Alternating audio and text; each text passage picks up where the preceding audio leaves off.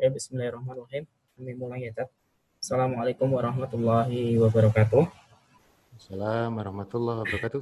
Alhamdulillah, nama Tuhan, nasta'in wa nastaghfiruh, wa natubu wa na'udzu billahi min shururi anfusina wa min sayyiati a'malina may yahdihillahu fala wa may yudlil fala hadiya lahu. Asyhadu an la ilaha illallah wa la syarika lahu wa asyhadu anna Muhammadan abduhu wa la nabiyya wa rasulullah ba'da amma ba'du. Rabbi shrah li sadri wa yassir li amri wa hlul 'uqdatam min lisani yafqahu qawli. Alhamdulillah pada hari ini tanggal 25 Juli 2020 ya. Alhamdulillah kita bisa bertemu kembali dalam uh, kajian sejarah Al-Ma'arif. Insya Allah ini episode ke-12. Uh, bersama kita sudah hadir Ustadz Zati Abu Azamin. Kami sapa dulu. Assalamualaikum Ustadz. Halo. Waalaikumsalam warahmatullahi wabarakatuh. Sehat ya Tat ya. Uh, Alhamdulillah. Alhamdulillah hari ini pagi ya Tat ya. Soal masih segar, sudah sarapan. Alhamdulillah Ustadz bisa menyempatkan waktu. Kita akan mengkaji kembali di bab selanjutnya yang kemarin ya Pak Ida. Insya Allah bab terakhir dari Mukaddimah uh, sehingga pertemuan selanjutnya bisa menginjak bab satu akhirnya Alhamdulillah. Ini saya serahkan sepenuhnya langsung kepada Ustadz. Nanti silakan Ustadz mau satu jam, satu setengah jam, dua jam, monggo saya serahkan kepada Ustadz. silakan, Ustadz. Baik. Bismillahirrahmanirrahim. Assalamualaikum warahmatullahi wabarakatuh. Alhamdulillah wassalatu wassalamu ala Rasulillah wa ala alihi wa ashabihi wa man walah. Wala haula wala quwata illa billah. Qala Allah Ta'ala fil Qur'anil Karim, Ya ayyuhalladzina amanu taqullaha haqqa tuqatih wa la tamutunna illa wa antum muslimun. Wa qala ya ayyuhan nasu taqu rabbakum alladzi khalaqakum min nafsin wahidah wa khalaqa minha zawjaha wa batha minhuma rijalan katsiran wa nisaa'a wattaqullaha alladzi tasaaluna bihi wal arham innallaha kana 'alaikum raqiba wa ba'du. Pemirsa sekalian yang dirahmati Allah Subhanahu wa taala, Mas Imaduddin dan juga Mas Tamam yang menemani saya di studio.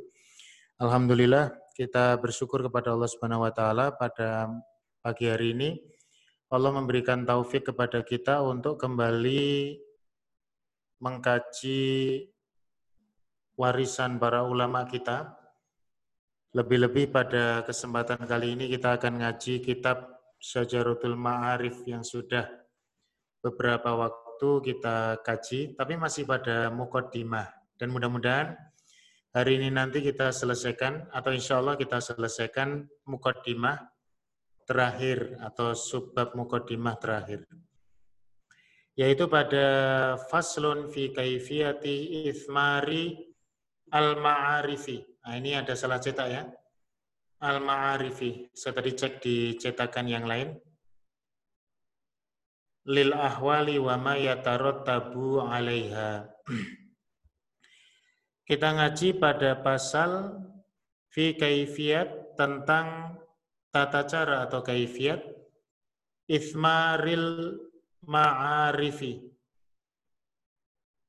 menghasilkan ma'rifah ma'rifah lil ahwal terhadap keadaan keadaan kehidupan kita wa ma yatarattabu 'alaiha dan juga hal-hal yang menjadi ekses daripada ma'rifah itu. Cara menghasilkan ma'rifah dan juga kajian tentang ekses daripada ma'rifah itu. Ini secara lugas begitu ya. Kita akan coba baca. Dan ini nanti menjadi bekal kita untuk masuk ke dalam pasal-pasal pada uh, kajian utama Syekh Muhammad Al-Ais Ibn Abdul Salam. I'lam anna ma'rifatadzat wa sifat muthmiratun li jami'il khairat al-ajilati wal ajilati.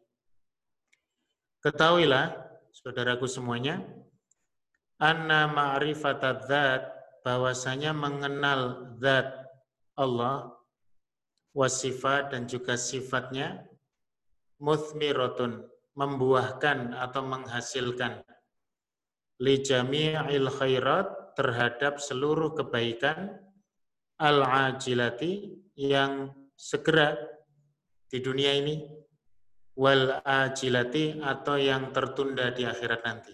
Nah, jadi ada ada istilah al-ajilah itu hari ini di dunia atau al-ajilah yang akan datang di akhirat. Kalau secara bahasa ya ajilah itu yang segera bisa kita unduh. Tapi kalau ajilah itu yang nanti, yang ntar, agak ntar kita ngunduhnya agak lama. kalau panen yang cepat itu ya pohon yang panennya cepat, pepaya misalkan itu. Itu ajilah. Tapi kalau ajilah itu mungkin pohon durian atau pohon jati ya, dan seterusnya. Jadi memang kembali kepada kaidah asal bahwa ma'rifah kita terhadap zat dan sifat Allah itu akan menjadi sumber penghasil kebaikan-kebaikan di dunia maupun di akhirat nantinya. Muthmiroh itu kan membuahkan. Buahnya itu bisa kita unduh, kita panen, kita tuai di dunia ataupun di akhirat kelak. Wa ma'rifatu kulli sifatin minas sifati yuthmiru halan alaihi atharun. Wa ma'rifatu dan mengetahui kulli sifatin setiap sifat minas sifat dari sifat-sifat yang ada pada Allah yuthmiru halan alaihi atharun. Nah, ini kalau saya terjemahkan secara apa ya, tidak secara letterlek gitu, secara maknawi bahwa mengenal setiap sifat dari sifat-sifat Allah itu akan menghasilkan pengaruh atau makna terhadap jiwa kita, terhadap keadaan kita. Ya. Jadi memang kembali ini masih ungkapan-ungkapan yang sering diulang-ulang oleh beliau dalam memantapkan Eh, bahwa ma'rifah kepada Allah itu memang menjadi kunci bagi pengaruh-pengaruh yang baik. Wa akwalan saniyatan juga menghasilkan perkataan-perkataan yang mulia, saniyah yang mulia. Wa af'alan rodiyatan juga perbuatan-perbuatan yang mendatangkan ridho atau diridhoi oleh Allah Subhanahu wa taala. Wa marotiba dunyawiyatan.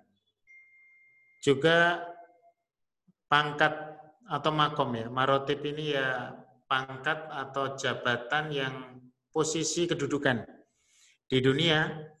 Wadarojatin ukhrawiyah dan juga apa namanya darojat akhirat. Nah, kemarin ada kata-kata di halaman sebelumnya ya, yang saya tidak bisa baca itu ternyata salah cetak.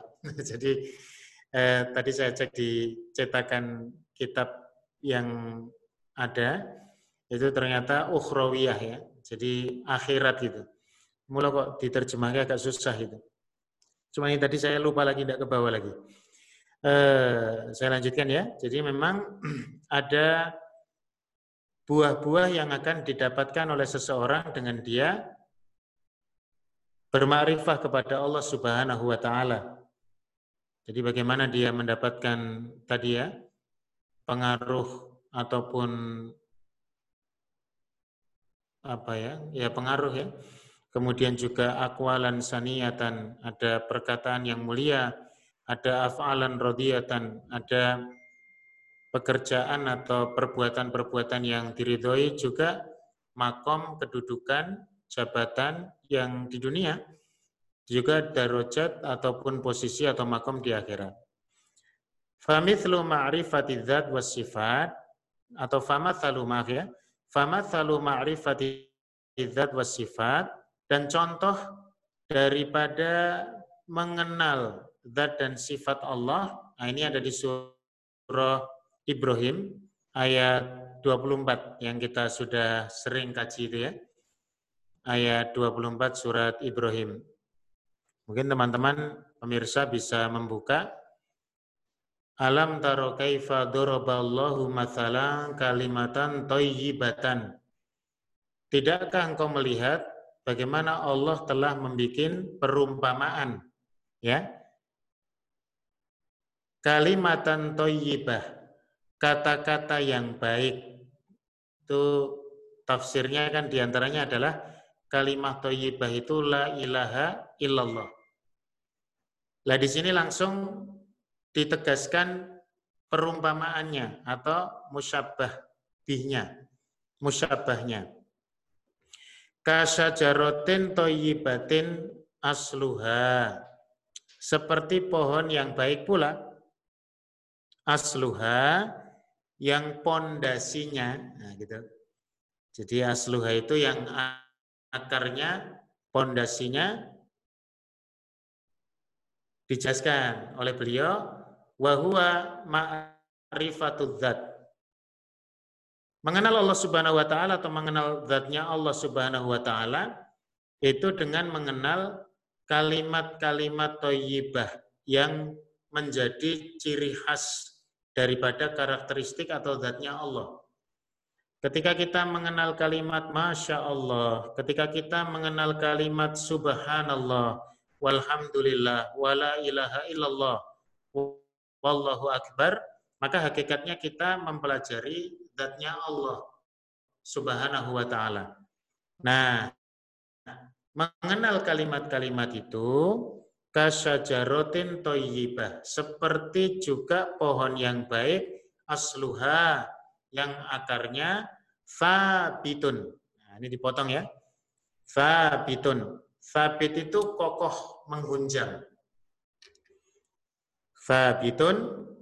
Bagaimana menghunjamnya itu? Bagaimana kokohnya itu? Bil hujjati wal Quran, hadis, wal burhan dan bukti-bukti. Jadi kalau apa? Wasobru burhanun. Sabar itu adalah burhan, bukti. Wal Qur'anu hujjatun laka. Dalam hadis itu ya dan Quran menjadi hujah bagi kamu awalaika atau bisa jadi sebagai hujah yang buruk. Kalau laka itu yang bermanfaat, alaika yang tidak bermanfaat. Jadi besok ini Hewan Hidin ya, mudah-mudahan kita terlindung dari keburukan. Quran yang kita kaji ini akan menjadi hujah bagi kita. Hujah bagi kita itu dia akan menjadi saksi bagi kita ketika kita menyempatkan untuk tilawah, kiroah, tadabur, mengkaji tafsirnya, ya, Quran akan bersaksi dengan itu. Tetapi Quran juga akan menjadi saksi yang buruk bagi kita, menjadi hujah yang buruk tadi maksudnya karena Quran kita dolimi, tidak kita baca, tidak kita kaji, tidak kita jadikan sebagai pedoman hidup. Nah, ini supaya kita paham ya. Baik, kita kembali ke saja rutin toyibatin asluha thabitun. Thabit menghunjam kokoh dengan hujah dan juga dengan burhan. Wa far'uha fis sama. Nah, far'un ini kalau kita kaji maknanya apa? Far'un itu apa ya ranting atau coba kita apa namanya ini buka di terjemahan Kementerian Agama. Kalau dalam terjemahan Kementerian Agama itu far'un itu cabang atau ranting ya. Kalau saya tadi ngomong ranting cabang. Wa far'uha fis sama yang cabangnya menjulang tinggi ke langit. Nah, maka kita lihat kata far'uha oleh Muhammad Syekh Muhammad Al-Ais ibn Abdus Salam wa huwa ma'rifatus sifat. Kalau zat itu akarnya, sifat itu cabangnya. Maka kajian tentang tauhid itu tidak bisa lepas dari pengenalan terhadap asma dan sifatnya Allah. Zat dan sifatnya Allah. Bagus kalau antum nanti memperdalam beberapa kajian ada misalkan fikih asmaul husna atau fikhul al asma al husna.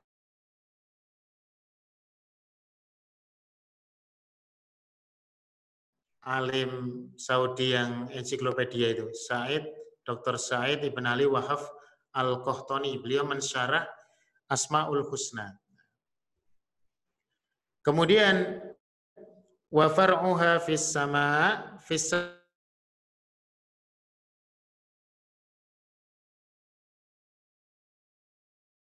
merupakan satu ungkapan untuk majdan, pujian, wasyarofan, dan juga kemuliaan. Majdan, wasyarofan. Jadi kalau ungkapan fissama pada konteks ayat ini, maknanya memang Allah Subhanahu wa taala itu memiliki manzilah atau posisi sifat yang sangat mulia. Sehingga digambarkan wa far'uha fis dan cabangnya menjulang tinggi ke langit. Hari-hari ini Awan Fidin kita di 10 awal Hijjah disunahkan untuk memperbanyak takbir.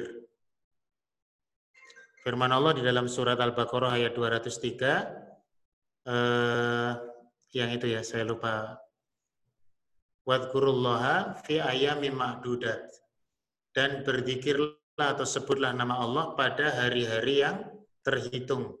Ayami ma'dudat itu tafsirnya adalah memperbanyak takbir pada tanggal 10 Zulhijjah sampai berakhirnya hari Tasrik.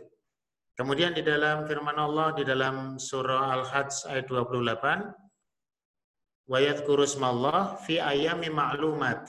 Nah, ayami ma'lumat itu adalah 1 sampai 10 Zulhijjah memperbanyak takbir. Jadi memang sunnah. Ada namanya takbir mutlak ya, takbir yang tidak terikat dengan waktu dan tempat. Nah, di setiap saat, di setiap tempat yang diizinkan untuk kita mengucapkan kalimat thayyibah, maka perbanyaklah untuk bertakbir. Allahu akbar, Allahu akbar, Allahu akbar. La ilaha illallah, Allahu akbar walillahil ham. Boleh dengan lafaz itu atau lafaz yang lain. Allahu akbar kabira walhamdulillahi katsira wa subhanallahi bukrata wa asila dan seterusnya ya. Jadi perbanyak takbir. Jalan, naik motor, naik mobil, safar di pasar, di toko sambil kerja, sambil apa? E, menggerakkan tangan kita, lidah kita bisa terus melantunkan takbir. Kemudian saya lanjutkan tu'ti ukulaha kullahinin. Kalau dalam terjemahan Kementerian Agama itu pohon yang menjulang tinggi ke langit tadi tukti ukulaha. Dia menghasilkan buah atau membuahkan kullahinin pada setiap musim.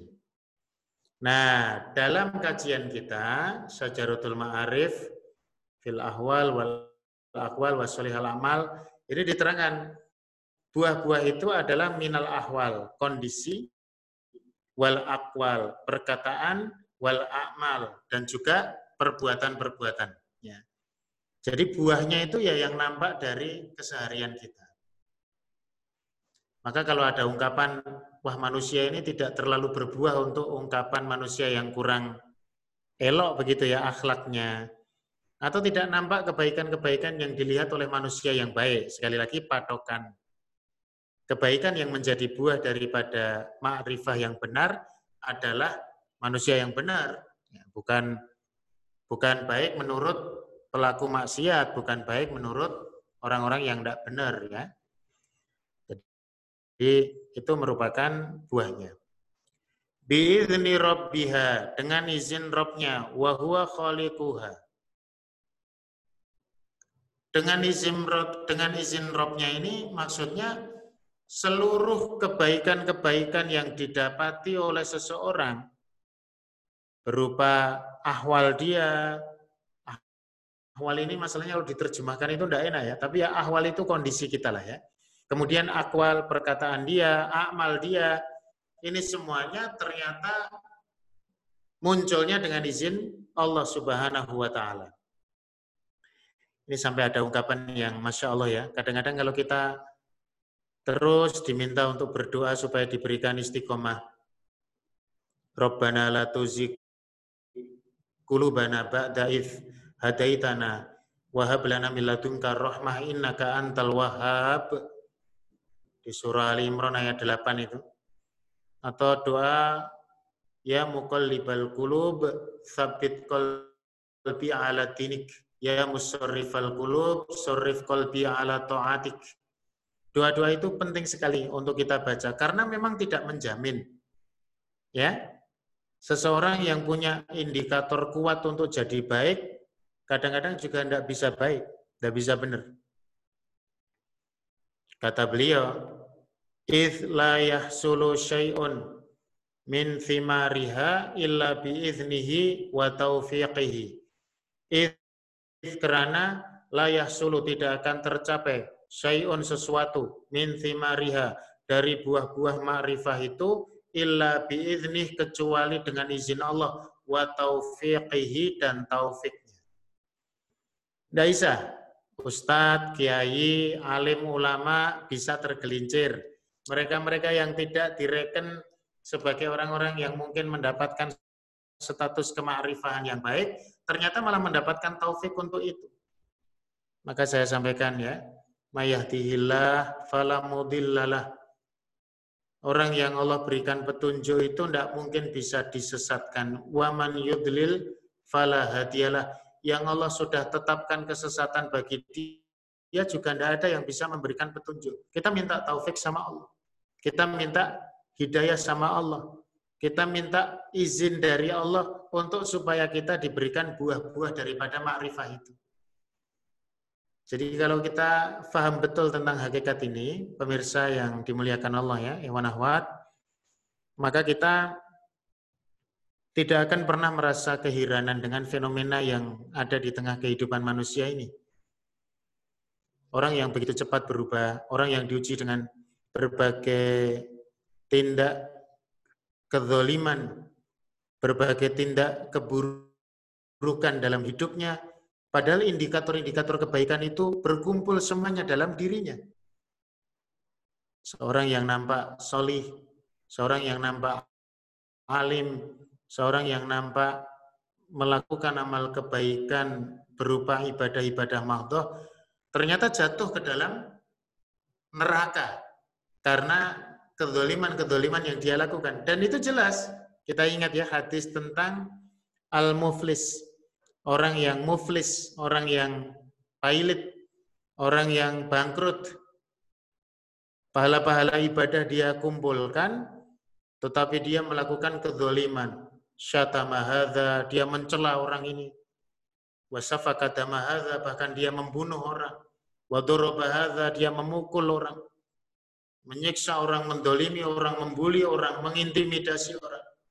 Sehingga sampai pahala-pahalanya itu dia habis semuanya karena yang didolimi minta pertanggungjawaban kepada dirinya. Ini ngeri betul ya. Kita menasihatkan kepada naudzubillah. Ada nggak ya koruptor yang lihat kajian kita ini? Wahai para koruptor, ya. Anda mengkorupsi uang rakyat, Anda mendolimi harta rakyat, Anda mendolimi harta orang lain yang bukan rakyat sekalipun. Ingat, semuanya akan dimintai pertanggungjawaban oleh Allah Subhanahu wa taala. Kalau para pejabat melakukan korupsi, uang yang dikorupsi adalah uang rakyat, setiap rakyat muslim yang dia baik, dia solih, minta pertanggungjawaban dan pertanggungjawaban itu akan Allah mintakan nanti di akhirat untuk ditukar, untuk diganti. Maka dia harus mengganti. Kalau saking terlalu banyaknya yang dia korupsi sehingga sampai tidak cukup amal solehnya, hajinya tidak cukup, umrohnya tidak cukup, sholatnya tidak cukup, siamnya tidak cukup, bahkan zakatnya tidak cukup untuk bisa membayar hutang-hutangnya itu. Maka nanti seluruh amal soleh itu akan diberikan kepada orang-orang yang didolimi tadi. Ini saya mengingatkan kepada diri saya pribadi dan ehwah dan akhwat sekalian ya tentang fenomena muflis ini. Izin Allah lah, taufik dari Allah lah yang bisa menjadikan kita ini betul-betul membuahkan sesuatu tadi. Sehingga tidak heran ya, Iwan Fidin kita ada fenomena-fenomena terbalik tadi.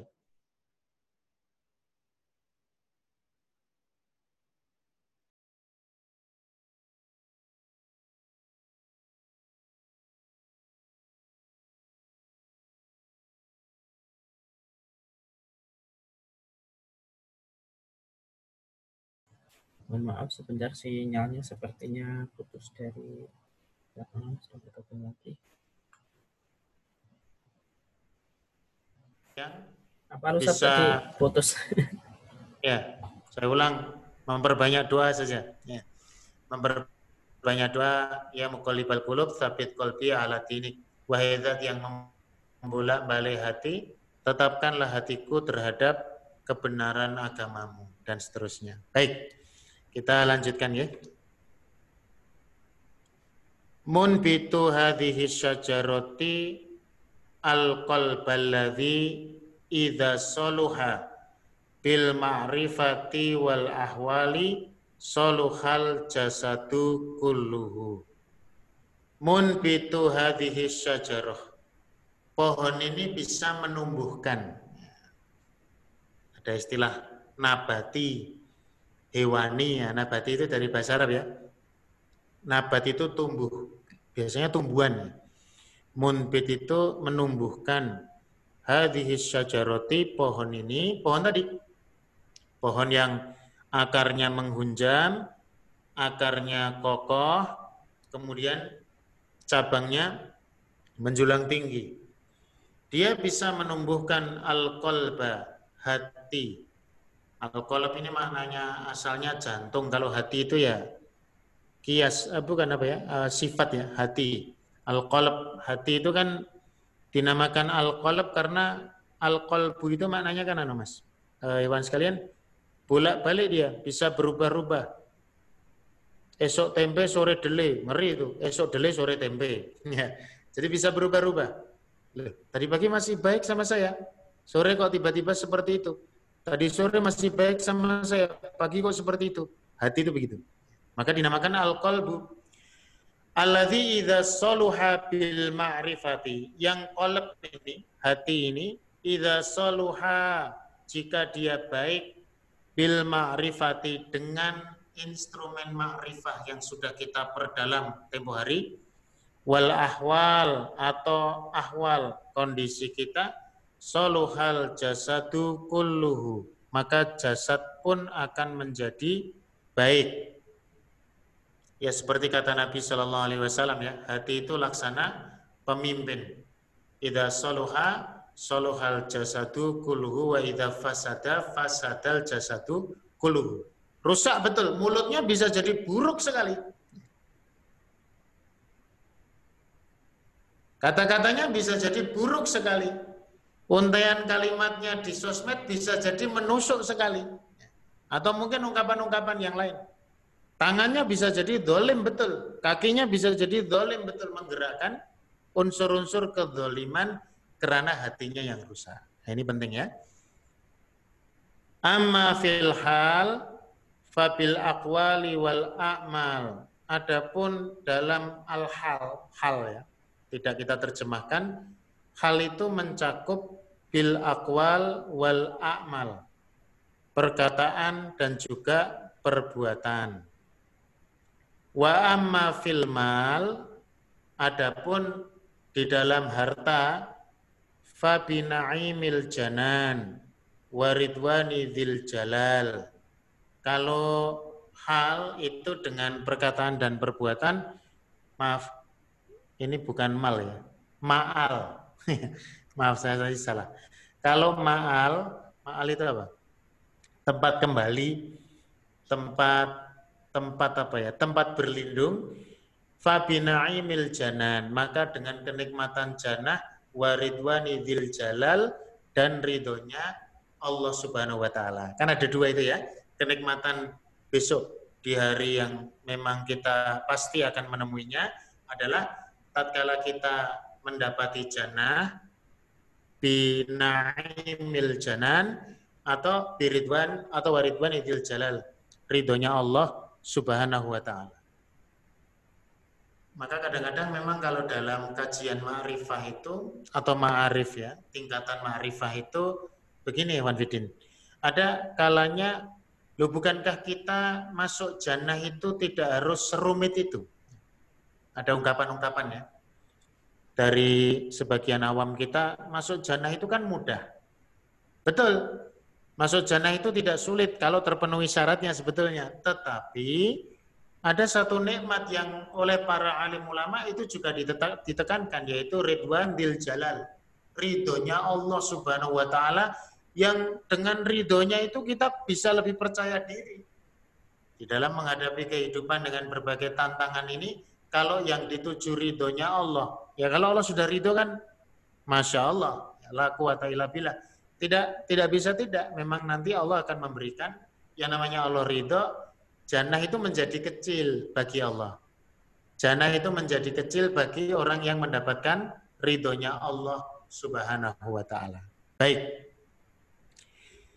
Wa idza fasadal bagyu wa dhalal fasadal jismu kulluhu. Apabila orang itu maaf, apabila kesesatan dan keburukan itu rusak atau merusak fasadal jismu mana tadi? Fajad fasadal jismu kullu. Maka jasad pun juga bisa rusak. Maka hati-hati dengan kesesatan. Ya tidak mesti ya secara apa ya, secara hukum sebab akibat itu kadang juga tidak mesti pas sesuai dengan persepsi kita sebagai manusia. Tapi sejatinya begini, memang ada pengaruh yang linier antara kesehatan rohiyah dengan kesehatan jismiyah. Memang ada orang-orang yang secara jasa dia atau jismiyah atau secara jasmani itu dia terlihat tidak sehat. Tapi tidak sehat itu mungkin menurut pakem kedokteran. Tapi yang bersangkutan sendiri merasakan kebaikan, mungkin dengan fisiknya yang sakit karena ruhnya sehat. Hatinya sehat. Ada orang yang punya kelemahan fisik, mohon maaf ya, Ivan Fidin dan akhwat. Ada orang yang punya kekurangan fisik, kelemahan fisik. Tetapi produktivitas dia dalam beramal soleh itu mengalahkan mereka-mereka yang punya kelebihan-kelebihan dari sisi fisik. Orang yang mungkin kondisi tubuhnya tidak lebih dari orang sakit atau di atasnya sakit sedikit sehat, tidak sampai bugar, tidak sampai top performa.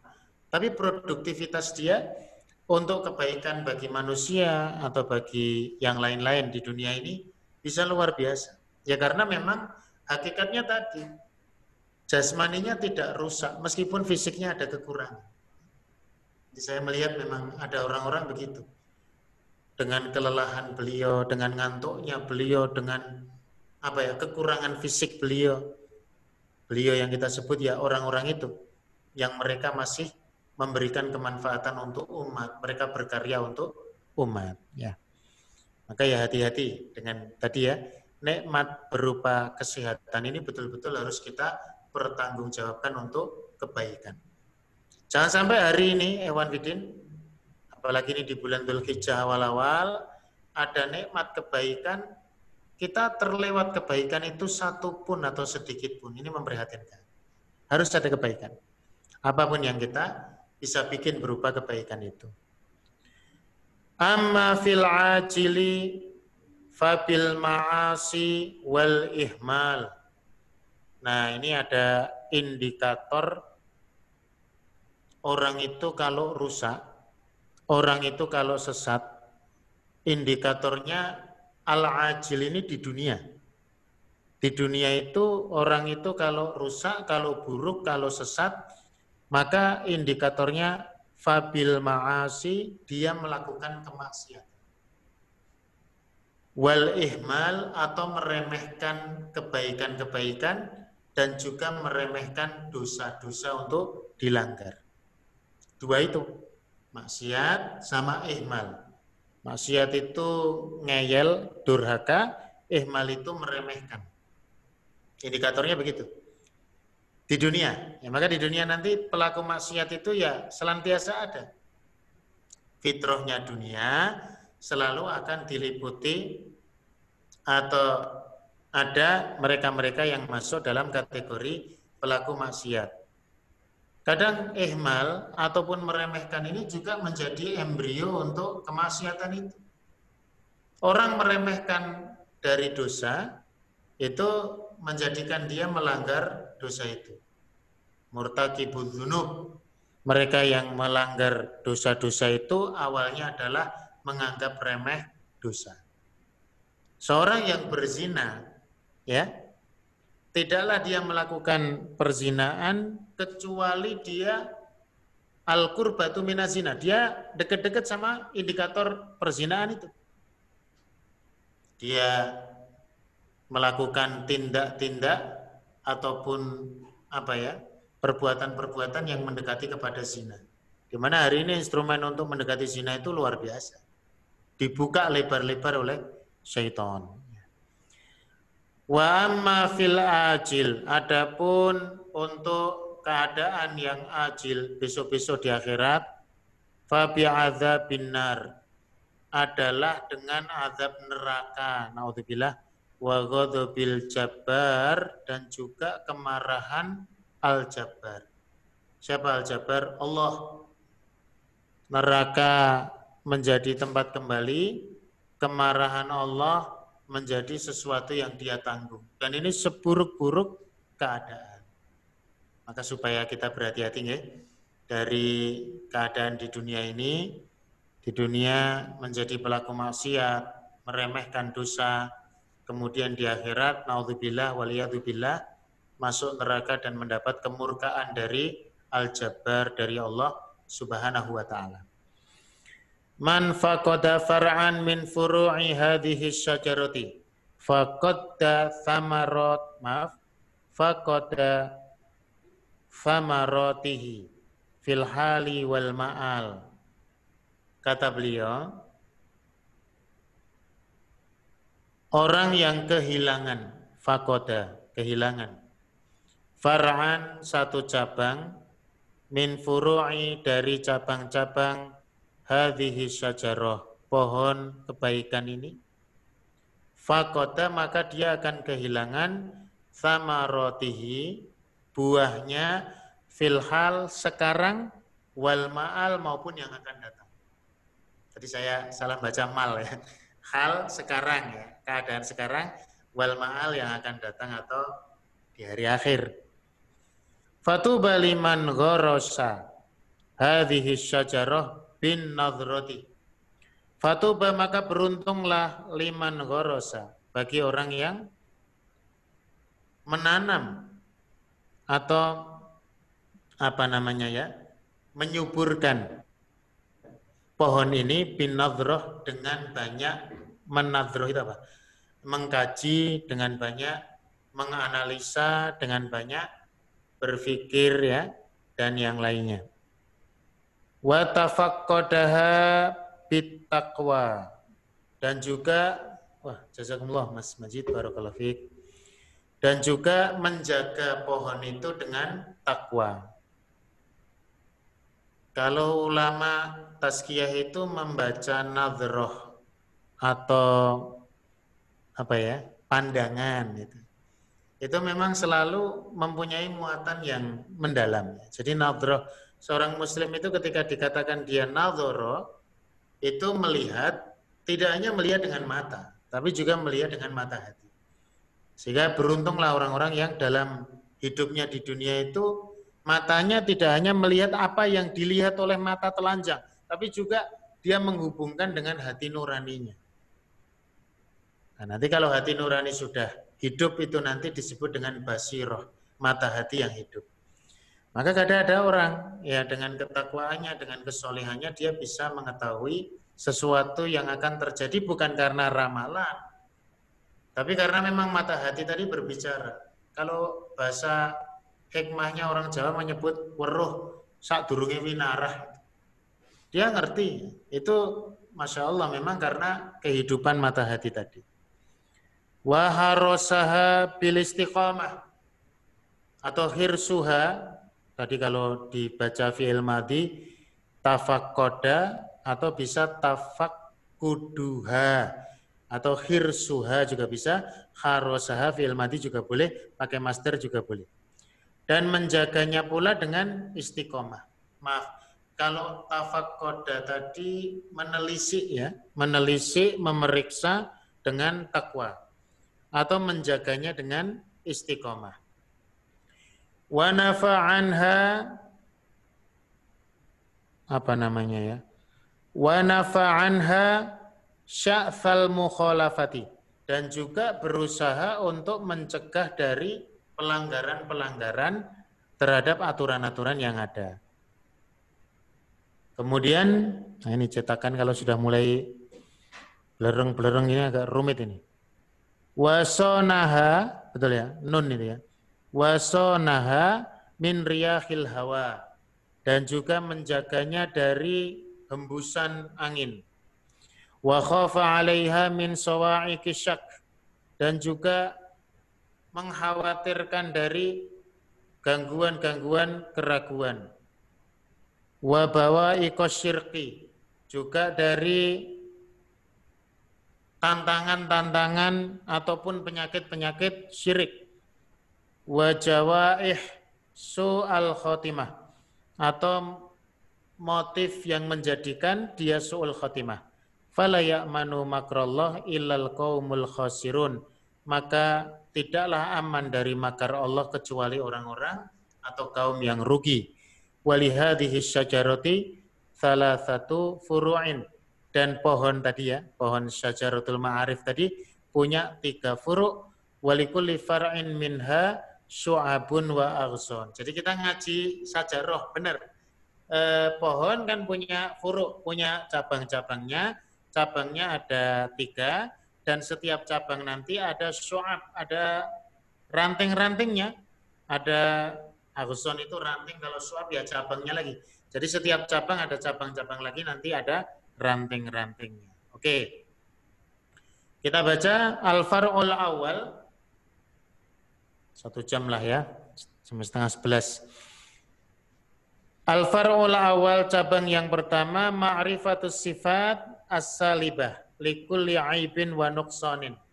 Mengetahui sifat-sifat yang dinegasikan dari aib maupun kekurangan pada diri Allah. Kalau dalam kajian apa namanya itu eh, akidah sifat ada sifat asyariah itu ya, ada sifat wajib, ada sifat mustahil, ada sifat jaiz. Nah, yang mustahil itu kan apa namanya sifat yang asalibah, yang dinegasikan dari Allah.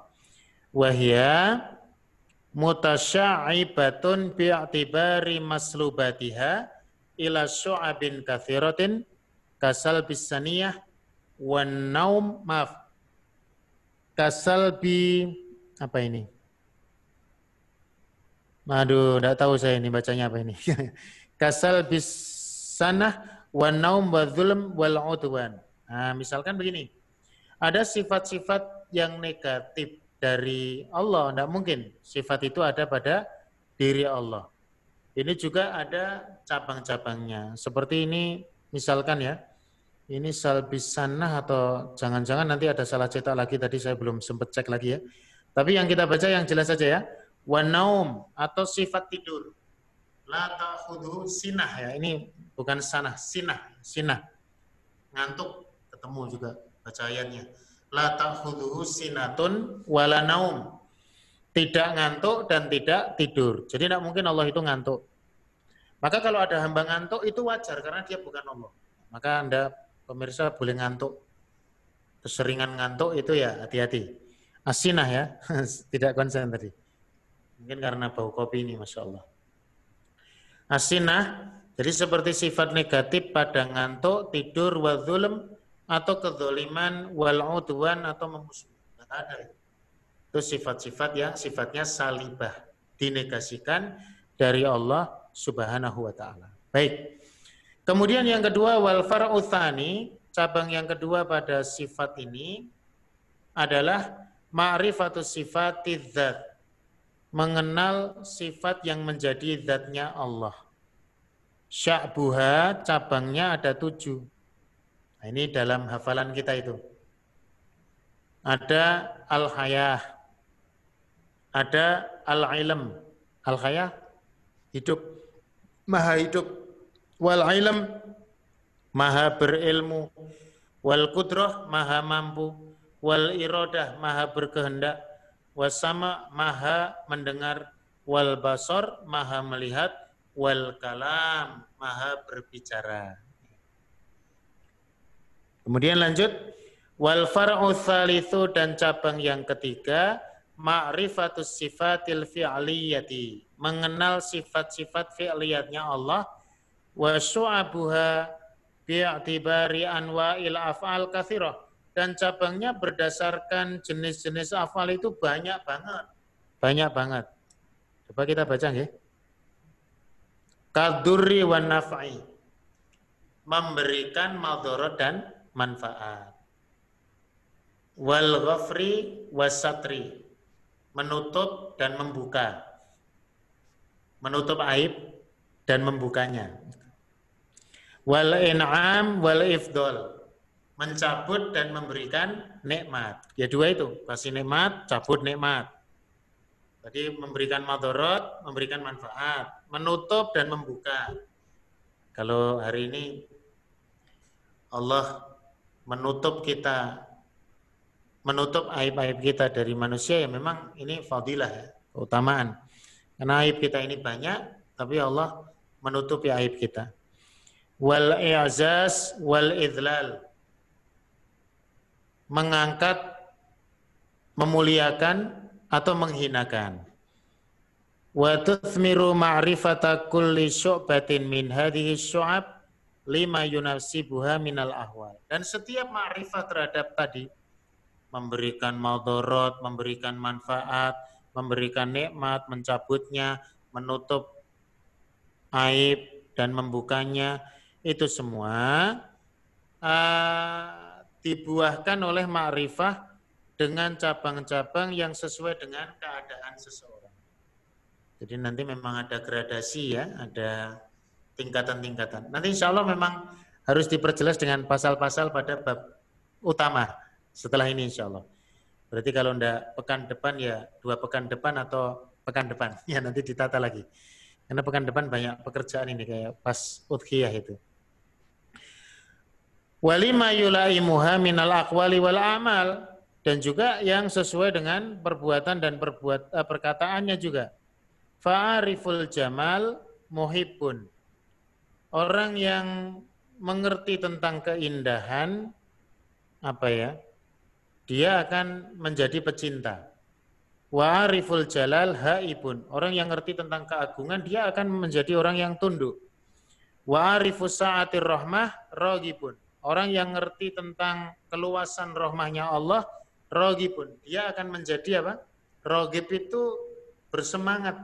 Ada targib buat tarhib. Targib itu rogib bersemangat terhadap kebaikan. Karena rahmatnya Allah dinilai luas.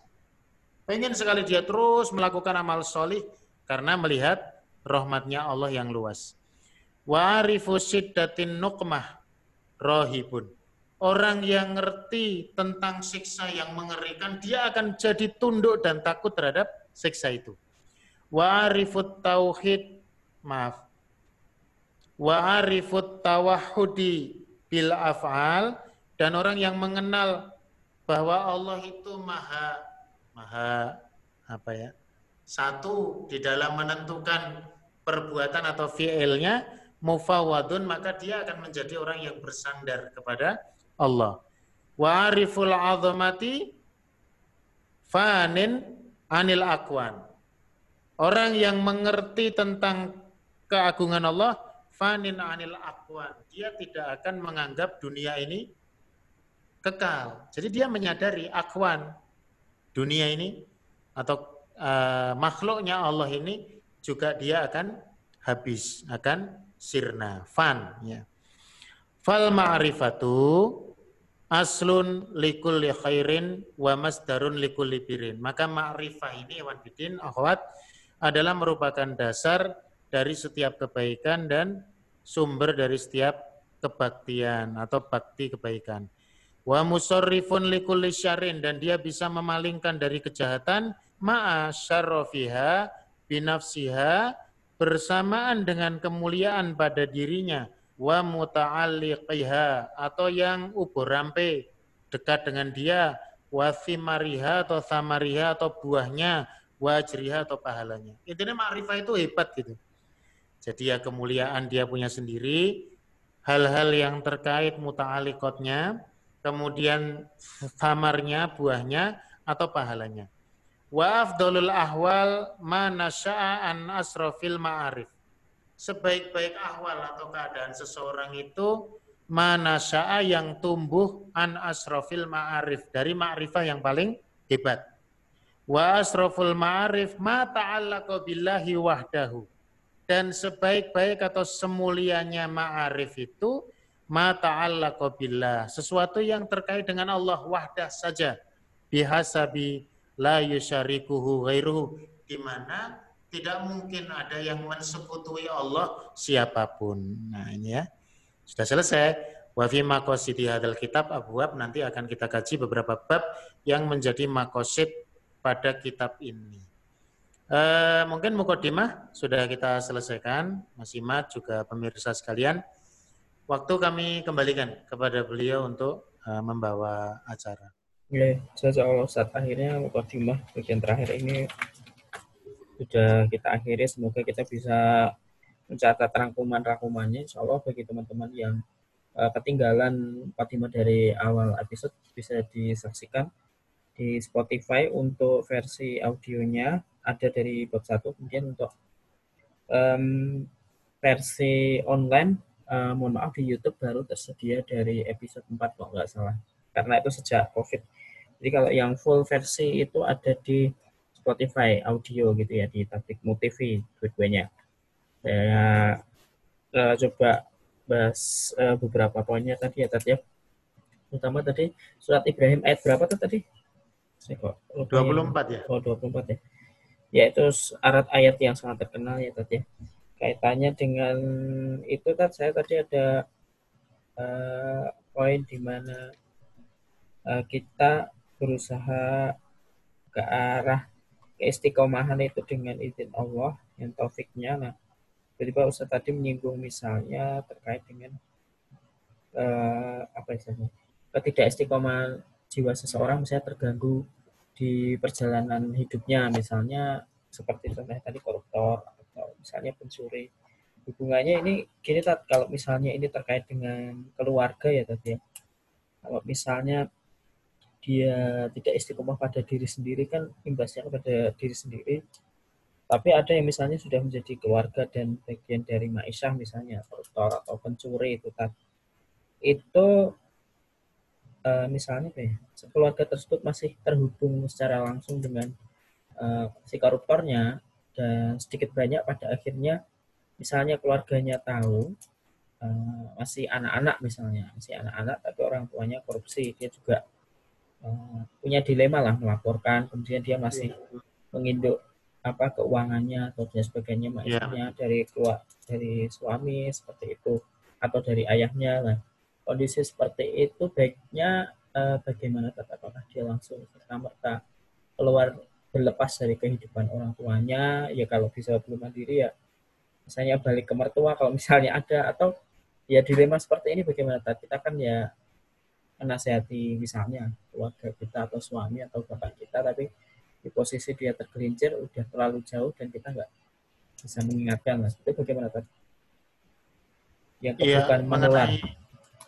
nah rezeki haram yang menimpa seorang kepala keluarga entah lewat korupsi atau yang lainnya ini memang menjadi dilema kehidupan orang-orang yang mereka ingin menjadi lebih baik. Biasanya kurbannya ya istri yang solihah atau anak-anak yang solih memang kalau untuk anak-anak, secara prinsip ketika dia masih dalam tanggungan orang tua sekalipun mempunyai rezeki yang haram dan dia paham tentang keharaman itu, sang anak memang masih berhak untuk mendapatkan asupan dari orang tuanya tadi. Tentu catatannya memang yang menanggung dosa ya orang tuanya. Ketika anaknya itu dia dalam posisi belum mampu untuk mandiri ya. Nah, ketika seorang anak secara hukum dia sudah balik, dia sudah mampu berusaha sendiri, atau dalam bahasa tadi melepaskan sedikit demi sedikit jerat rezeki haram dari ayah, handa atau ibunda atau orang tua begitu ya. Ini memang diseyogyakan untuk dia bisa melepaskan itu meskipun tidak secara frontal. Dan memang Rasulullah sendiri sudah banyak memberikan satu instruksi kepada kita untuk mempercepat kedewasaan anak. Fitrah-fitrah kenabian pada masa yang lalu, kerasulan pada yang lalu, kedewasaan dalam pengertian positif ya, artinya kemandirian, kemudian juga kemampuan dia untuk survival, terutama dalam kondisi-kondisi di mana orang tuanya masih bergelut dengan rezeki yang haram, baik sebagian maupun keseluruhannya. Nah termasuk dengan istri, mesti istri yang solihah itu dia ketika berjalan menuju kepada akad pernikahan, dia sudah mensyaratkan adanya kesolihan suami. Dan solehnya suami itu adalah tatkala dia bekerja dengan cara yang halal. Nah sekarang tidak jarang karena kondisi bukan suaminya tidak soleh tapi ya karena kondisi tergerus oleh zaman yang demikian kejam kata orang kemudian menjadikan sang suami akhirnya terpaksa untuk melakukan tindak-tindak keharaman seperti korupsi dan sebagainya tadinya terpaksa lama-lama ridho menikmati maka tentu di sini ada satu sikap yang harus diambil oleh seorang istri yang solihah.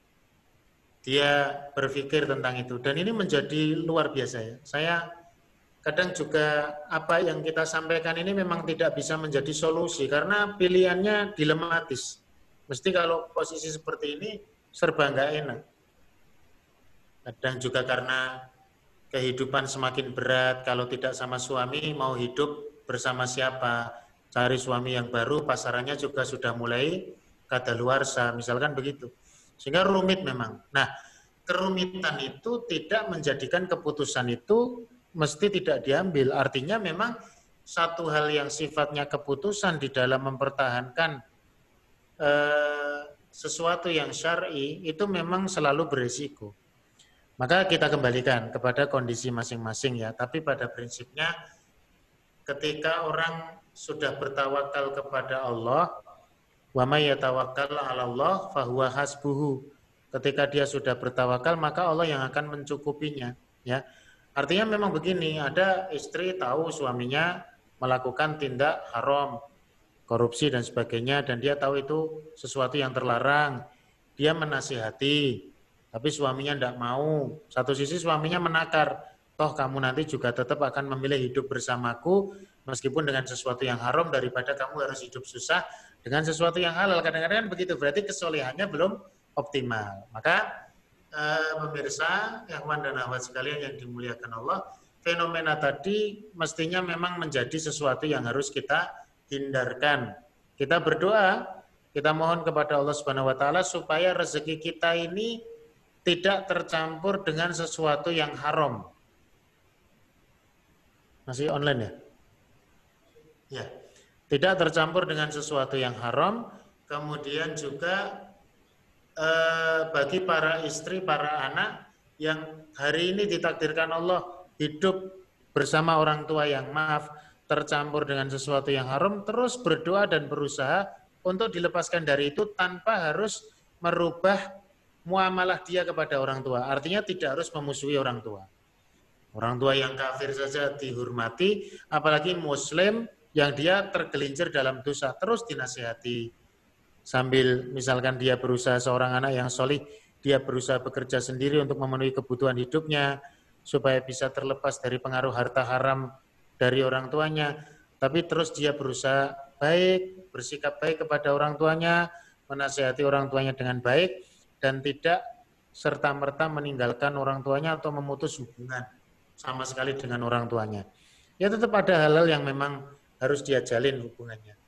Kadang-kadang yang memang repot, misalkan ketika dia memutuskan untuk bekerja, dia meninggalkan rumah, tapi terus menjaga hubungan dengan orang tua, meski orang tua mungkin marah karena dia dianggap durhaka kepada orang tua. Kamu menganggap orang tua sampah karena melakukan tadi ya mungkin halal buruk atau dosa besar, padahal dia sudah berusaha menyampaikan dengan cara yang paling baik. Terus menghubungi orang tua, datang ke orang tua, dan sebagainya itu bisa terus dilakukan. Ya melihat kasusnya mas ya. Tapi yang jelas memang ini sarana muhasabah kita, ya supaya rumah tangga kita lebih berhati-hati lagi. Karena itu nanti eksesnya luar biasa. Kalau sampai seorang suami mulai ya gampang ke atau ihmal tadi ya, meremehkan dalam mencari rezeki yang halal ya imbasnya itu tadi ya bagian daripada ujian kan. Kalau anaknya sadar dia pengen lepas dari orang tua kan ya ujian. Karena dia harus pisah dengan anaknya. Istrinya juga begitu. Minta cerai dan sebagainya kan juga nanti jadi persoalan. Ya walanya itu bila. Semoga Allah melindungi kita dari ujian-ujian yang berat seperti itu. Amin amin ya Pak. Allah alam. Oke. Itu saya Pak. Itu nanti kompleks ya tadi ada yang mungkin hanya terkait korupsi bisa jadi juga ya perbuatan perbuatan yang nah untuk bilang seperti itu ya. Ini kalau kaitannya dengan itu kan misalnya di internal keluarga. Tapi kalau misalnya itu eh, yang berhubungan eksesnya dengan eh, pihak lain yang lebih apa ya istilahnya eh, bermuamalah dengan orang lain. Misalnya sebagai contoh kasus paling gampang lah misalnya dia seorang eh, yang tergelincir dalam eh, sekali dua kali mencuri atau perbuatan jahat seperti itu. Kemudian hartanya eh, berimbas harta haram tadi berimbas ketika misalnya dia membeli barang dari orang lain yang soli atau langganan makan di tempat tertentu atau dia seorang misalnya dalam tanda kutip alhamdulillah terkenal koruptornya atau suka ngambil tapi juga menjadi pelanggan kita misalnya pelanggan apa pembelian buku pelanggan toko atau pelanggan makanan seperti itu. Nah kita dulu saya pernah mendengar apakah benar ya ada kaidah fikih? Istilahnya akad dia mencuri atau perbuatan dia yang mencuri dan sebagainya itu terpisah terhadap uh, muamalah dia dengan kita saat membeli atau apa. Apakah yeah. apakah benar seperti itu? Mo mohon penjelasannya. Artinya maksudnya gini perbuatan uh, keburukan itu menular kepada masyarakat lah seperti itu gimana ya uh, Islam itu kan dinun yusrun agama yang mudah dan prinsip-prinsip muamalah kita dibangun di atas kemudahan itu. Antum bisa bayangkan ya, eh, Ewan dan Awat sekalian, ada seorang bisnismen dalam bidang apa pun, pengusaha kuliner, pengusaha jasa dan sebagainya. Itu kalau harus memilah dan memilih sumber asal rezeki kliennya atau pelanggannya, itu tidak bisa hidup ya. Tidak bisa mengembangkan usahanya, dipastikan itu. Ya tentu kecuali yang Allah berikan kemudahan untuk itu. Tapi secara prinsip kan memang tidak ada taklif, tidak ada beban syariat untuk itu. Betul apa yang Antum sampaikan tadi bahwa ketika dia mencuri, ketika dia melakukan kejahatan, kemudian apa namanya dia bermuamalah dalam urusan yang berbeda ya. Urusan makan itu urusan perut dia, urusan makanan dia. Anda seorang pengusaha kuliner, kemudian ada seorang koruptor makan di tempat rumah makan itu itu urusan yang berbeda, bukan urusan korupsi dia. Bahwa nanti ada persepsi, lah tapi kan dia tetap membantu korupsinya. Lo kok bisa? Nah itu makanannya enak, gizinya bagus, akhirnya korupsinya tambah semangat. Tidak bisa sampai seperti itu. Rumit sekali itu nanti. Ya punya toko apa ya e, minimarket atau apa juga repot sekali. Bah ini ada koruptor ini datang ini tutup pintunya, ya kan begitu. Jadi ketika ada transaksi ditahan-tahan. Jadi tidak sampai seperti itu. Bahasanya dosa orang yang melakukan korupsi itu kepada Allah, yang kedua dosanya kepada harta orang yang dikorupsi atau dicuri atau dirampok dan sebagainya. Tapi tidak sampai berimbas kepada uh, orang ketiga dalam muamalah yang mungkin masih berhubungan memang.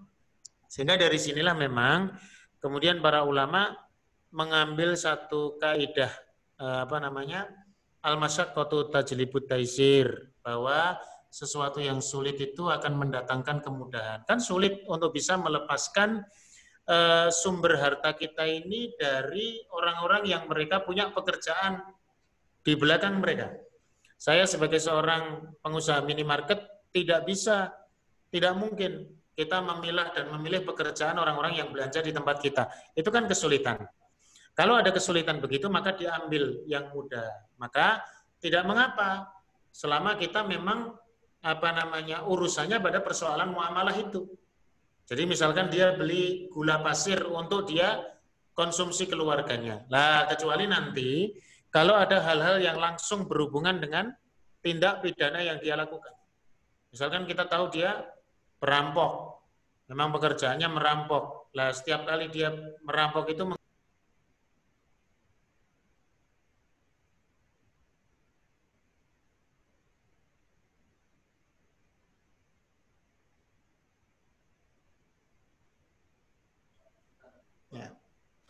Jadi misalkan perampok ya tadi, dia punya pekerjaan memang merampok, perampoknya pakai pisau, kita punya jasa untuk mengasah pisau. Kita tahu bahwa pisau itu diasahkan dia untuk merampok. Lah itu tidak boleh. Karena termasuk terhadap al-ithmi wal ya. Kan jelas-jelas tahu. Tapi kalau tidak tahu kan ya tidak apa-apa. Ini ada orang mengasahkan pisau di tempat kita mau buat nyembelih udhiyah, kurban atau mau buat nyembelih orang. Kan tidak tahu ya. Tapi kalau kita tahu dia perampok, wah jelas dia perampok memang preman. Kemudian dia mengasahkan kalau kita terima rezeki itu jadi bermasalah. Itu masuk bagian daripada taisir, kemudahan di dalam kita berislam. Kalau maaf ya, ada misalkan di antara kita yang sangat menjaga tentang itu, misalkan kita tahu si fulan yang pengusaha barang haram, belanja ke tempat kita, kita nggak ingin tercampur dengan barang dia, ya muamalah itu kan tetap berjalan. Masa kita mau tahan dia, tidak boleh belajar di sini Pak, Anda pengusaha ciu, kan tidak bisa. Kan begitu. Ya dia biar tetap jalan, belanja, nanti uangnya bisa dipilahkan untuk distribusikan ke tempatnya yang pas begitu. Maksimal ya itu kan, kalau sampai kita menahan diri dari itu semuanya, sulit sekali hidup ini. Ya, Wallahu alam bisawab. Eh, benar juga tadi ya, Memang sangat sulit ya memisahkan kok di dalam apalagi belum lagi kalau misalnya nanti bahas riba bahasanya semuanya terkena debu-debu riba ya tadi ya sesuai hadis Nabi ini tadi kelanjutan pertanyaan dari uh, apa ya tadi uh, supaya kita menjaga keistiqomahan kemudian terkait dengan akwal dan amal dalam kita sehari-hari. Nah kadang tat, uh, semakin ke sini di dunia ini baik di barat maupun di Indonesia sudah mulai ketularan gitu di konten-konten kebaikan itu di satu sisi uh, misalnya diglorifikasi bahwa kebaikan orang itu dijadikan konten dimanfaatkan untuk dunia entertain seperti itu. Ada yang sifatnya memang berniat untuk mengekspos kebaikan itu uh, demi demi apa istilahnya demi menyebarkan kebaikan yang lebih baik misalnya pembagian sembako dan sebagainya. Tapi ada juga yang sifatnya uh, lebih eksploit ya, mengeksploitasi misalnya tadi yang eksploitasi kelemahan, kemiskinan, kemudian dijadikan konten atau kemudian uh, misalnya dia tetap uh, berbuat baik atau bersemangat, tapi ada sisi entertain yang memanfaatkan keuntungan itu loh tadi misalnya. Keuntungan hmm. dari konten-konten tersebut misalnya dijual via YouTube atau buku atau seminar uh, yang sudah agak bergeser gitu tidak hanya yeah. murni uh, menyebarkan kebaikan. Nah, uh, di sisi mana kita bisa berhati-hati menghindari hal tersebut yang istilahnya memanfaatkan dunia entertain ini berlebihan. Seperti itu Ya, jadi begini memang antara motivasi dan eksploitasi ini batas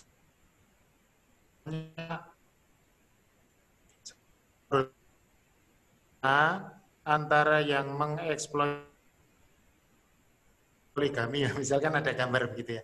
Ini kan memang tipis sekali, maka eh, perlu kita pahami kaidah-kaidah dasar dalam syariat terkait dengan masalah tersebut. Misalkan kalau itu berupa wanita ya, kan ya biasa wanita jadi bahan eksploitasi di dunia entertainment itu ketika batasan-batasan aurat itu seperti apa? Maaf ya, ini kadang sekolah-sekolah Islam gambar-gambar broadcastnya itu atau brosurnya atau apa itu kan gambarnya wanita, tapi yang saya heran kok nggak ada yang jelek gitu loh. Jadi misalkan yang maaf, maaf yang jelek ini bukan saya memilah-milah yang jelek itu ya kata orang jelek gitu. Bagi saya jelek atau cantik itu soal selera, jelek juga banyak yang berselera. dan itu tidak masalah. Tapi kok begitu kesannya, ya? Kenapa kok yang diambil yang itu? Padahal mungkin yang berprestasi ada yang wajahnya mungkin standarnya nilai 5, 4 gitu, tapi kok nggak ditampilkan? Yang ditampilkan yang standar nilai sembilan setengah atau 10 kurang seperempat, barangkali begitu.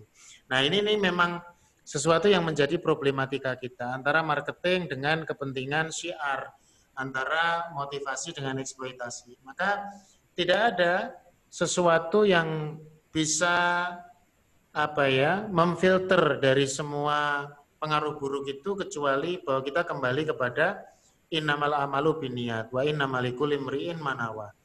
Ketika seseorang memang berniat untuk kebaikan, maka apakah dia menjadi bagian dari orang yang mengeksploitasi kebaikan itu? Ini memang kan dikembalikan kepada niat. Kadang ada orang memang secara marketing dia mempertimbangkan tapi tidak ada niat buruk ya mungkin tidak ada sesuatu yang berlebihan di situ tidak ada niat untuk mengeksploitasi ya memang kalau misalkan innallaha jamilun yuhibbul jamal Allah itu zat yang indah dan suka dengan yang indah-indah maka mengambil sesuatu yang indah untuk disukai orang kan ya boleh-boleh saja ada yang berargumentasi begitu nah ini kan argumentasi ini bisa jadi jujur atau tidak kan gitu dikembalikan kepada masing-masing kita.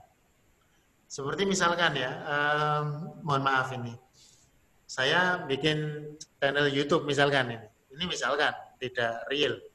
Kemudian saya bikin video, saya mengambil background untuk video saya itu dengan pertimbangan-pertimbangan. Kita bikin background yang bagus, cari tempat yang indah, Nanti kan maknanya bisa multi tafsir itu antara kita mengeksploitasi tempat itu untuk kepentingan supaya orang bisa melihat dan senang atau justru malah kita yang memberikan kemanfaatan. Mungkin mestinya mengendorse atau apa mungkin kalau itu tempat wisata atau apa. Nah ini kan jadi multi tafsir ya, tergantung bagaimana orang melihat. Tapi kembali kepada niat asal saya, misalkan saya bikin YouTube, ya background dibikin bagus biasa, supaya orang tertarik karena mungkin modelnya tidak terlalu bagus sehingga backgroundnya harus bagus. Tapi itu tidak kita paksakan. Oh, tidak harus di pantai, tidak harus di tempat wisata, kadang juga di rumah, kadang di dan seterusnya karena memang kita tidak punya niatan untuk mengeksploitasi. Jadi dikembalikan Mas ya kepada niatnya, kepada asal daripada kebaikan itu toh begini. Kalaupun ada nilai-nilai maslahat yang lebih besar, maldorot yang kecil tadi tetap harus ditimbang. Ya. Jadi ketika maslahatnya memang sangat besar, ada madorot kecil itu kan juga para ulama mempertimbangkan itu. Kadang-kadang ada madorot terkecil diambil untuk maslahat yang jauh lebih besar, itu diperbolehkan. Maka kadang kasusnya begitu. Meskipun sebisa mungkin kalau ya namanya kalau bisa itu tidak menimbulkan madorot. Cuman kadar madorot ini juga kadang-kadang kan jadi relatif. Maaf ya, misalkan kita punya iklan apa pun, iklan barang apa pun, di situ kita menggunakan wanita nah, sebagai bintang iklan. Ini kan juga para ulama menetapkan teori fikihnya kan jadi berbeda. Bagi yang menganggap suara wanita itu menimbulkan madorot ya langsung tidak boleh. Tapi yang bagi yang biasa mungkin kayak TV-TV kita ya, TV Muhammadiyah atau TV yang lain itu kan masih menggunakan penyiar wanita, Ya sejujurnya memang lebih menarik mendengarkan suara wanita bahkan termasuk melihat wajah-wajah wanita itu. Nah ini, ini kan nanti dari sisi fikih juga di sana ada gradasi bagaimana melihat itu secara syar'i. Sehingga memang tidak bisa disepakati masalah ini dikembalikan kepada niat masing-masing menjaga supaya madorot diperkecil dan maslahatnya diperbesar. Wallahu a'lam Terima kasih atas penjelasannya terkait dengan itu ya tadi ya, menjaga bagaimana menurutnya bisa diminimalisir dengan tetap maksimalkan manfaat seperti itu ya. Uh, ini uh, pertanyaan selanjutnya terkait dengan tiga cabang sifat-sifat Allah tadi ada yang sifat yang uh, zat Allah dan sifat-sifat ini ya Allah. Uh, kalau boleh ya kita perjelas gitu tak sebenarnya um, kitab atau kitab rujukan yang paling paling terpercaya untuk menjelaskan sifat-sifat Allah ini uh, seperti kitab Awatat misalnya. Soalnya karena saat kita misalnya masih kecil gitu ya tadi ya kita disuruh langsung menghafalkan sifat-sifat Nabi wujud kita mbak mukhalafat sila itu kan ada dasar-dasarnya yeah. waktu kita di waktu kecil gitu lama-lama kalau kita udah besar kita mengkritisi ini Israiliyat atau bukan dasarnya apa uh, kemudian ada apa yang sebelum maghrib dibacakan terdapat 99 sifat Nabi yang di uh, yeah. kemenak Al-Quran yang paling belakang itu apa namanya Hmm. Asmaul ya, Husna. Asmaul Husna yang disebutkan lah itu bagaimana kita bisa kemudian di kitab Sajarah ini juga ada sifat-sifat Allah yang sebagian disebutkan. Nah, sebenarnya kalau kita boleh menyebut kitab apa rujukan yang paling istilahnya apa ya paling rojih seperti itu terkait dengan sifat Allah. Ah, ya. Kemudian yang sebenarnya pekan lalu saya tanyakan juga bisa jumlah malaikat yang disebutkan di dalam uh, tidak semuanya disebutkan dalam Al-Qur'an tapi waktu kecil kita suruh menghafalkan 10 malaikat, kemudian 25 rasul. Ada tidak semua 25 limanya ada Nabi Khidir tidak disebutkan lah. Yeah. Bagaimana bagaimana yang kitab-kitab mendasar yang menjadi kitab rojih rujukan itu yang mana? Ya memang kalau disebut harus ada satu buku yang bisa mengcover itu semua ya tidak ada. Artinya sangat sulit ya kita melima, membatasi pada pembacaan itu karena seperti yang Mas Imad contohkan tadi benar ada sifat wajib, ada wujud kita bako misalkan kemudian dikritisi itu kan hasil pentelaahan terhadap puluhan bahkan ratusan kitab sehingga muncul satu kesimpulan bahwa sifat tujuh atau sifat 20 itu adalah pemahaman fulan kemudian yang benar bukan 20 sifat itu lebih nanti ada sifat 50 dan sebagainya. Lah ini kan memang kesimpulan dari kajian-kajian para ulama yang tersebar di dalam berbagai kitab akidah itu. Maka saya cenderung begini, untuk sementara waktu ya, kita tetap butuh sistematika belajar akidah yang tepat. Namun ada satu hal yang penting bahwa akidah kita itu harus mempunyai samroh tadi. Ada buah atau hasil. Artinya semakin kita banyak mengkaji sifat Allah itu ada tidak ketundukan dalam diri kita. Sehingga kalau saya melihat uh, dalam hal ini ya, karena keterbatasan waktu kita juga, ada orang mengkaji dengan metode As'ariyah Maturidiyah tapi menghasilkan buah yang bagus.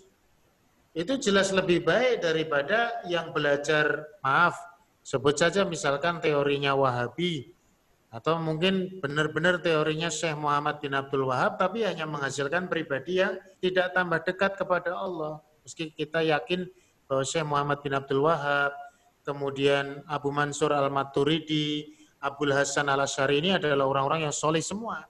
Tidak ada masalah dengan beliau-beliau ini, hanya kemudian orang-orang yang mengkaji tadi. Maka ya kembali saja kepada tradisi kita bagaimana yang memang bertahap ada tadaruj, ada tahapan di dalam mengkaji kitab-kitab akidah itu.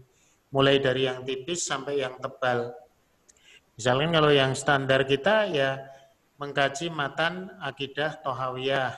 Matan itu muatan pokok ya, substansinya. Tapi nanti dikembangkan menjadi syarahnya, mengkaji syarahnya eh, akidah atau hawiyah yang disyarah oleh banyak ulama, tentu juga nanti pensyarah ini terpengaruh dengan keyakinannya. Kalau kita baca syarahnya siapa? Eh, Imam Abil Ais Al-Adhra'i Al-Hanafi ya nanti sesuai dengan pemahaman beliau. Kalau kita baca syarahnya seorang alim mujahid, Syekh Abdul Akhir Hamad Al-Gunaimi atau Abu Basir Aturtusi, nanti juga mengikuti alur beliau. Ini memang nanti tetap ada dinamika, Mas Imad dan kawan-kawan. Jadi saya pikir memang perdebatan dalam masalah akidah ini kita kikis dengan tadi melihat buahnya, melihat buahnya. Jadi sampai hari ini, misalkan kita sholat, itu kan di antara buah utama kita berakidah. Sholat kita bagaimana? Ada seorang yang konsen, dia mengkaji teori tauhidnya Wahabi, tapi sholatnya payah ya dari sisi kekhusyuan atau mungkin fikih sholat dan sebagainya atau sebaliknya ternyata wahabi bagus mungkin yang asyari tidak bagus. Jadi memang nanti silakan ya orientasinya ke sana. Kalau terkait urutan kitab ya tadi yang lazim-lazim itu. Bahkan dalam kitab-kitab jami sekarang kayak Minhajul Muslim. Ini kitab masya Allah ya kitab ringkas tapi mencakup banyak hal. Itu kan ada kajian-kajian akidah, ada kajian-kajian asma wa sifat. Ya, tentu ada kekurangan karena memang bukunya kan tidak tebal banget gitu. Nah, nanti siap enggak kira-kira baca buku yang tebal-tebal itu? Kalau saya Asmaul Husna misalkan ya senang baca syarahnya yang ditulis oleh peneliti Saudi itu misalkan ya. Tapi nanti kan yang tidak senang, wah ini syarahnya wahabi banget itu. Padahal sebenarnya juga tidak ya. Nah ini nih nanti tidak akan pernah lepas dari kontroversi, tapi bagaimana kita memahami lah. Kalau misalkan ada wujud kita bako mukholafatulil hawadisi itu maknanya kan cukup bisa kita pahami. Oh bahwa Allah itu wujud, kidam, bako, mukholafatulil hawadisi, kiamu binafsi. Berarti kan nanti ada sifat-sifat yang memang kita cukup pahami dengan ungkapan itu. Tidak perlu kita tafsil, tidak perlu kita perinci. Karena nanti kalau perinci malah menimbulkan masalah. Nah nanti sebatas itu dulu ya. E, atau silakan baca buku-buku ringkas tentang masalah akidah. Misalkan ada teori akidah menggunakan sistematika iman rukun iman. Bukunya Allah Yarham Buya Yunahar Ilyas kuliah akidah Islam itu lumayan ya. Pengenalan-pengenalannya juga ada. Silakan nanti dibuka buku-buku dasar itu uh, untuk menjadi bekal kita. Ya, tentu nanti semakin berkembang ada penelitian yang perlu untuk dikembangkan dan biasanya semakin berkembang ya semakin rumit dalam masalah akidah itu. Termasuk Tapi sekali lagi jumlah malaikat, jumlah nabi itu juga masih diperdebatkan karena kan dasarnya riwayat. Kayak jumlah nabi itu jumlahnya kan menurut penelitiannya Buya Hamka 120-an ribu nabi. Kan juga tidak tepat ya, 120 ribu itu berapa pasnya. Nah, jumlah malaikat ada banyak ya yang disebut nanti dihitung tapi dibantah oleh yang lain karena penyebutan nama itu juga kadang tidak dikuatkan dengan riwayat yang sahih. Ya begitulah adanya. Rasul ada 315 menurut penelitiannya Imam Al-Baihaqi. Tapi kan yang disebut dalam Quran tidak lebih dari 25. Nah ini bagaimana? Kan diskusinya panjang. Maka ya kalau kita hasanah itu tadi tetap kita kantongi ya Mas ya. E, tapi bagaimanapun juga apa yang dulu dihasilkan oleh alim, kiai kita yang mungkin ilmu-ilmu lama, itu ternyata juga ada landasannya. Meskipun memang kadang dengan adanya revisi itu bisa semakin menguatkan kita. Misalkan ketika kita mengenal, oh ternyata Nabi Adam itu bukan Rasul, tapi manusia pertama. Nanti kita jadi dapat manfaat, kenapa kemudian beliau dikatakan bukan Rasul, tapi manusia pertama? Karena tingkat kerasulan itu dalam menghadapi penyimpangan tauhid. Dan penyimpangan tauhid itu muncul pada masa Nabi Nuh alaihissalam misalkan begitu. Jadi kan ada maklumat atau hal yang sifatnya mengikuti dari kajian-kajian itu, bukan sekedar doktrin bahwa Rasul pertama Nuh, tapi tidak ngerti uh, perkara yang esensi sebenarnya apa dari penetapan Rasul pertama itu Nuh. Nah ini juga nanti butuh edukasi ya, butuh adanya kajian-kajian yang berlanjut. Baik, luar, luar biasa Tat. Ya ternyata kajiannya memang harus panjang ya Tat ya terkait hadis yeah. memang ya tidak serta merta kalau yang namanya SD langsung jadikan ulangan sebutkan lima nabi ya seperti itu ya sudah kalau karena semakin kita uh, dewasa berkembang tentunya kita lebih belajar eh, dasar-dasar uh, sumber rujukan tadi yang mana yang BOC seperti itu ya kalau ini pertanyaan terakhir tat uh, dari Mustami. Sifat mustahil dari Allah salah satunya kan al-udwan atau permusuhan yang tadi disebutkan. Nah, bagaimana kaitannya dengan hadis dalam Arba'in Nawawi yang menyatakan bahwa uh, barang siapa memusuhi waliku ah, maka aku, ya, maka aku umumkan perang terhadapnya. Atau yang semisal seperti itu kan ada juga bagaimana monggo. Ya kata al-udwan yang menjadi sifat salibah itu maknanya Allah itu tidak pernah menciptakan permusuhan. Tetapi Allah memproklamirkan man adali waliyan fakot adantuhu bil harbi. Siapa yang memusuhi wali-waliku, kan walinya Allah dia ya. E, loyalisnya Allah, hamba Allah yang loyal kepadanya.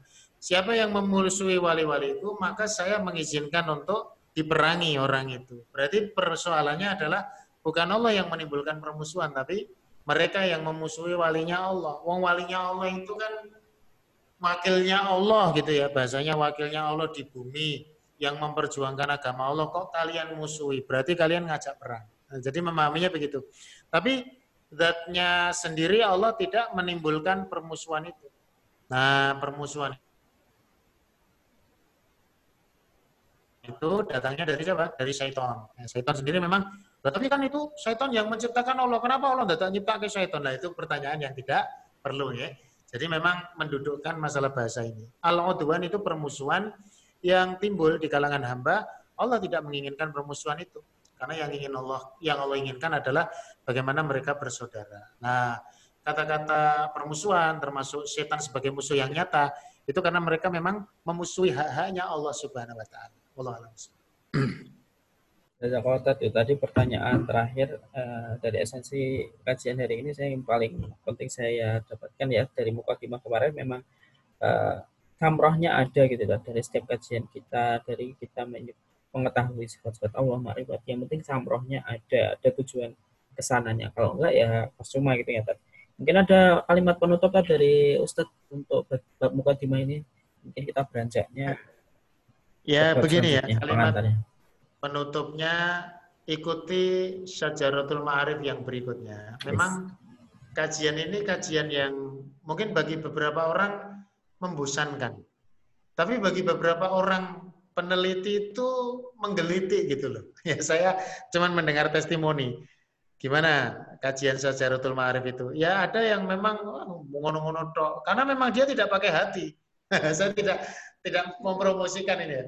Wow berarti kenceng ini pakai hati bukan? Ya memang melihatnya ya sekedar melihat. Kalau dari sisi pengetahuan, knowledge saja memang tidak menarik. Tapi kalau kita meresapi, saya sendiri mohon maaf sebagai penyampai, itu kalau hanya sekedar membacakan saja juga tidak ada rasa. Tapi begitu kita meresapi, mungkin dipancing-pancing sama Mas Moderator ini yang Masya Allah ya, ini juga jadi lebih bermakna begitu. Sehingga setidaknya saya sendiri termasuk orang yang sangat kepo atau penasaran dengan kajian-kajian berikutnya. Maka silakan nanti disimak terus ya. Ambil.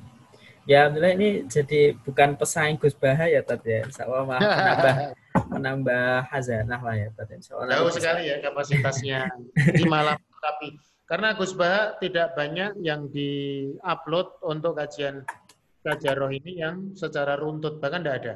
Oh, iya. Hanya poin-poin tertentu saja. Iya, kita ya, ngaji sama beliau dan melengkapi kajian ini. Ya, insya Allah. Okay. Malam jadi hazanah uh, selama Betul. Gitu saja. Kalau Ustadz atas penjelasan hari ini, insya Allah kita akan bertemu pertemuan selanjutnya. Kita kemungkinan ya Tat ya, apakah habis utia atau dua pekan setelahnya, monggo nanti kita bisa bicarakan selanjutnya. Jadi teman-teman Tablik TV, pemirsa silahkan simak terus di channel uh, pengumuman update-nya, kemudian di Zoom-nya juga. Eh, kalau teman-teman uh, pemirsa Tabung Info, jajak Ustaz atas penjelasan hari ini. Semoga menjadi berkah dan pahala di sisi Allah SWT. Amin, amin, ya amin.